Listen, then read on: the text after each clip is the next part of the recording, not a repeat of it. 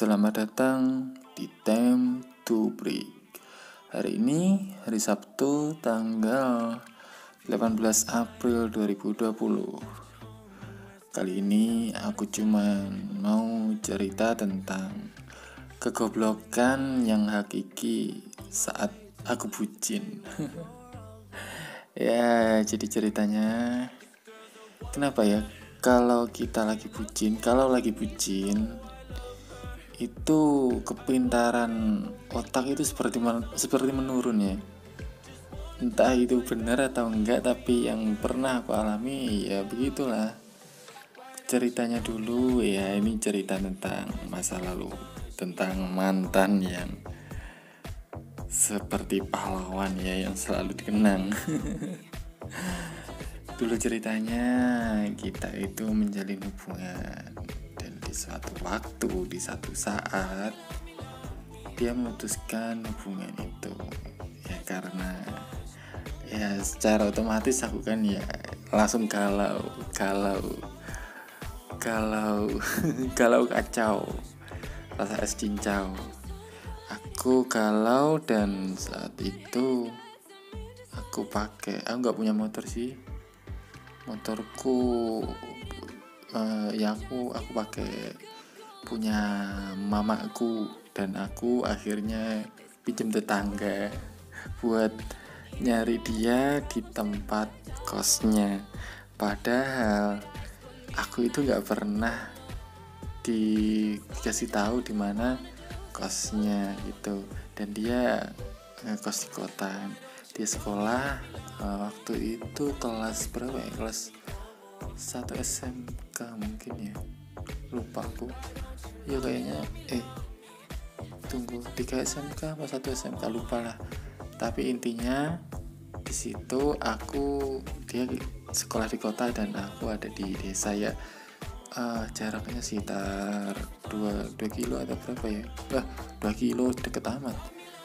100 kilo ah nggak tahu lah. Ya intinya dari desa ke kota gitu hmm, aku ke sana nyari kosnya aku tanya kos di sekitar sekolah itu kos ke ke kanan. Kan ini sekolahnya misalnya sekolahnya menghadap ke timur ya. Eh bukan. Misalnya kosnya eh misalnya sekolahnya menghadap ke utara.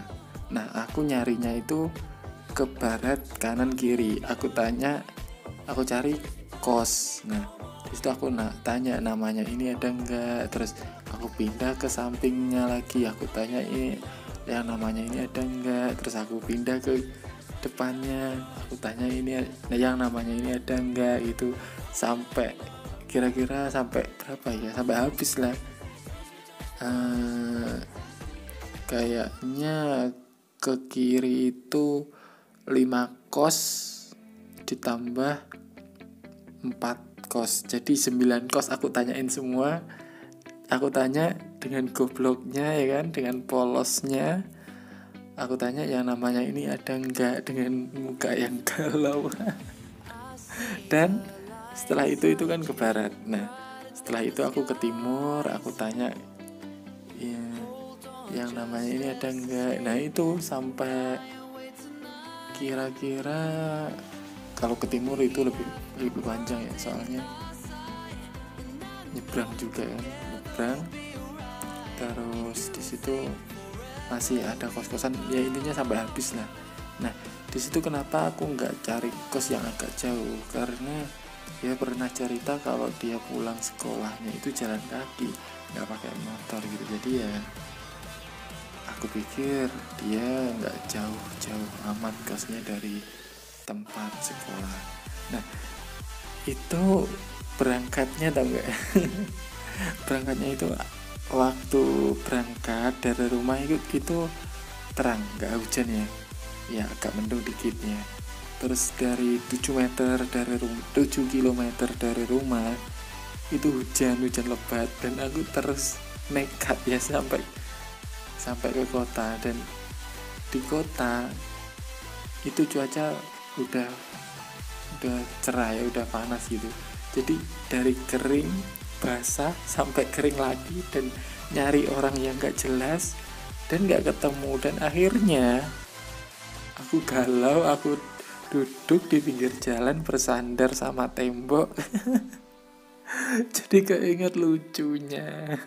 Sampai itu itu kira-kira uh, aku berangkatnya jam 2 sore dan aku mulai putus asa itu jam maghrib lah ya maghrib. Nah setelah itu uh, aku putus asa dan aku ya berdoa. Berdoa berharap buat ketemu ya tapi akhirnya aku berpikir kalau aku tunggu aja sampai bateraiku habis. Dan setelah itu kalau baterainya habis aku pulang dan ya udahlah aku terima kenyataan gitu. Ternyata baterainya nggak sampai habis dia SMS aku. Jadi zaman dahulu itu belum ada WhatsApp. Ya mungkin udah ada tapi kurang kurang begitu ramai yang pakai ya zaman itu yang lagi tren kayaknya BBM nih BBM bener BBM waktu itu aku pakai HP apa ya mungkin SMS mungkin. Uh, ya punya BB eh bukan bukan. Intinya waktu itu yang trending itu BBM Facebook SMS aku menghubungi dia lewat tiga tiga itu ya SMS apa BlackBerry Messenger sama apa tadi Facebook inbox kan gitu. Hmm. setelah uh, petang ya maghrib gitu dia SMS aku. Dia ngomong kalau dia sedang ada di di cafe mana gitu nih aku nggak tahu. Dan aku sampai sekarang nggak tahu sih itu kafenya di mana. Dan dia aku minta penjelasan aku minta ketemu. Ya sambil malas lah. Kegoblokan yang hakiki saat hujan kan sambil malas aku aku minta ketemu dan dia cuma menjawab uh, dia intinya dia nyuruh aku pulang dan kita masih menjalin hubungan. Ya saat itu aku percaya aja sih. Ya namanya gimana? Mau gak percaya ya mau maksa ketemu gimana? Tapi kalau keputusan akhir gini ya yang terbaik ini ya udah aku terima aja kita masih punya menjalin hubungan dan hubungannya lanjut. Dan esoknya pagi dia minta putus lagi. Kan pusing namanya. Lucu. Jadi pagi aku bangun eh tunggu dulu itu kan aku pulang. Ya istirahat ya. Terus keadaan normal lagi. Esoknya dia minta putus lagi itu aku pikir-pikir ya mungkin udah takdir ya. Mungkin udah takdir kalau aku sama dia udah nggak bisa bertahan ya udah aku terima gitu. Iya kan? Kalau diingat ya ya memang kalau lagi bucin memang ada kepintaran yang hilang ya. Sebenarnya kalau hmm, kalau aku nggak menuruti kegoblokan saat bucin mungkin sebaiknya waktu dia minta putus ya putus aja lah. Mungkin daripada buang-buang waktu kan ya bener gak sih? Aku ke sana berupaya gini gitu dan dia nggak nggak apa ya namanya nggak memberikan sesuatu yang memuaskan. Bukan gitu maksudku. Memberikan jawaban yang terbaik gitu ya kan sia-sia ya usahaku jadi daripada begitu kan mending putus lah. Putus dan kita free. Nggak memikirkan apa apa dan hmm, mem, apa ya melakukan kegiatan yang bermanfaat lah. Daripada memikirkan yang kurang ini ya kurang begitu bermanfaat. Nah itu adalah salah satu cerita kegoblokanku yang lagi bucin. Dan kalau cerita lain di mana ya? Hmm, apa ya?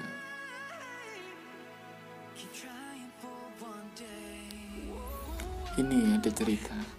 Nah itu waktu aku punya pacar. Jadi ya itu. Bucin itu kan nggak selalu orang yang punya pacar ya. Orang yang nggak punya pacar itu juga juga butuh cinta. Dan ngerti nggak cara cara aku butuh cinta cara aku mencari cinta? Itu ya ampun. Bikin bikin malu aja kalau kalau diingat-ingat ya.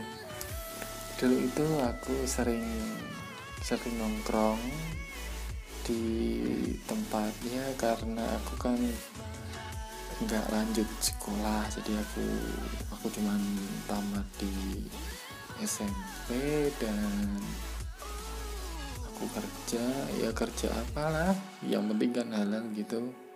Namanya juga anak kecil baru belajar cari uang ya. Terus hobiku aku buat nyari kenalan ini aku sering nongkrong di di depan sekolahan ya. Meskipun sekolahan itu jaraknya dari rumahku itu 14 ya, ya sepertinya 14 km dari rumah. Kalau pakai bensin itu satu liter bisa dua kali ya. Nah dan saat itu aku tiap hari sering nongkrong di situ. Pikirku ya kalau dapat kenalan mungkin bisa dapat kenalan di situ. Dan mungkin ya siapa tahu ada rezeki kan gitu. Tapi nyatanya ya ampun. Itu adalah goblokan yang hakiki. Berapa uang yang aku hambur-hamburkan? Berapa waktu yang aku buang hanya untuk berusaha mendapatkan sesuatu yang namanya cinta ya karena apa ya? Namanya juga usaha ya. Pikirku usaha gini gini gini. Siapa tahu bisa dapet situ. Tapi nyatanya ya ya nyatanya nggak ada hasilnya. Mungkin kalau aku mungkin kurang ini ya kurang link. Jadi misalnya aku punya temen laki yang bersekolah yang sekolah di situ terus aku minta dikenal, dikenalkan temennya mungkin bisa ya. Tapi karena aku orangnya gimana ya kurang bisa berteman dengan orang lain ya jadinya seperti ini. Uh, teman itu cuma ada satu dua itu. Buat aku sudah cukup nih. Nggak bisa aku temenan sama banyak orang nggak bisa. Kita kan manusia beda-beda ya. Mungkin karena mungkin karena ya memang berbeda. Memang prinsipnya orang masing-masing itu berbeda. Dan itulah eh, cerita aku saat bucin ya kegoblokan kegoblokan yang hakiki saat butuh cinta. Dan saat ini pun aku juga tetap melakukan hal yang bodoh saat bucin. Ceritanya kan di aku kan punya piaraan aku punya kucing nggak banyak sih dulu sempat banyak tapi banyak yang mati jadi sekarang tinggal empat. Dan aku sering beli ini makanan kucing. Ya aku sering beli makanan kucing di tempat ya jaraknya lumayan jauh sih sekitar 7 kilo lebih mungkin ya. Mungkin sekitar 10 kilo lah mungkin sekitar 10 kilo dari rumah. Dan padahal sekitar satu kilo dari rumah itu ada yang jual pakan kucing. Tapi aku memilih yang jauh karena di situ aku pengen kenal sama yang jaga di situ. Nah di situ dia bekerja. Jadi dia itu bukan bukan pemilik toko ya. Kalau pemilik toko mah nggak nggak berani ya. Nggak nggak. Minder lah kan tahu diri. Nah itu di dia jaga di situ dia itu cantik dan aku nggak berani kenal jadi aku sering beli ke situ jauh terus padahal kan kalau dipikir-pikir buang-buang waktu ya. Buang-buang waktu buang-buang energi. Hmm, sementara buat ke sana itu kan butuh waktu mungkin sekitar setengah jam dua kali berarti satu jam aku aku hambur-hamburkan. Hanya untuk ketemu si doi dan si doi gak kenal aku kan anjir. Buat ketemu dia tapi dia nggak kenal aku dan aku nggak berani kenal dia aku pikir aku cari jalan jalan keluar buat cari buat kenal dia ya. Aku cari di Facebook nggak ketemu. Aku cari di Instagram nggak ketemu. Aku cari di Twitter nggak ketemu. Terus aku juga sempat um, ini install WeChat dan di, di WeChat juga nggak ketemu anjir aku sudah aku nyerah aku. Dan sekarang aku nyerah sekarang aku sering beli pakan di tempat terdekat. Di sini jaraknya dua dua kilo ya kalau nggak salah. Di sekarang aku pikir daripada ke situ dan nggak membuahkan hasil mending beli di sini dan waktunya bisa bisa aku gunakan buat bikin konten. Ya kayak gini ya. Udah 16 menit aku ngomong nggak ada topiknya nggak ada serumnya nggak ada lucunya nggak ada faedahnya nggak ada pentingnya.